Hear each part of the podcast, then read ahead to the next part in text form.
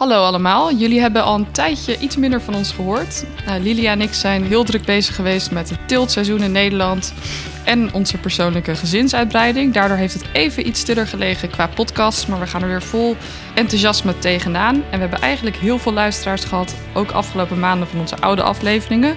En dat zal zeker ook te maken hebben met de landbouw die, uh, nou ja, die natuurlijk veel in het nieuws is geweest de afgelopen weken. We willen nog eventjes een korte afsluiting doen van het vorige seizoen. In dit seizoen stond de transitie van de landbouwsector centraal. We spraken met verschillende innovatieve boeren die hun bedrijfsvoering radicaal veranderden, omdat ze ook in de toekomst wilden blijven boeren. Denk bijvoorbeeld aan boer Prangsma met een gemengd bedrijf waar de akkerbouw ten dienste staat van zijn vee. Of bijvoorbeeld aan de varkenshouder Ruben Exterkaten, die van opschaling van 3000 varkens gegaan is naar een complete biologische bedrijfsvoering met slechts 1000 varkens. We spraken ook met genomineerden van de Ecoland Innovatieprijzen, John John, waarbij John Alink al 30 jaar geen externe mest of krachtvoer aanvoert. En John Huibers eigenlijk de eerste echte biologische bollenkwekerij is in Nederland. Nou, naast de boeren die op hun eigen manier stappen maken naar een biologische bedrijfsvoering, spelen ook beleidsmakers, specialisten en het bedrijfsleven een rol in de transitie naar een duurzaam landbouwsysteem.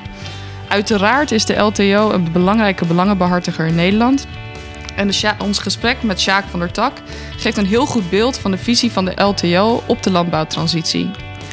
Onze meest beluisterde podcast ooit is die met Jan-Willem Irisman, ook wel de stikstofprofessor van Nederland genoemd, waarin hij precies uitlegt wat de stikstofcrisis precies inhoudt.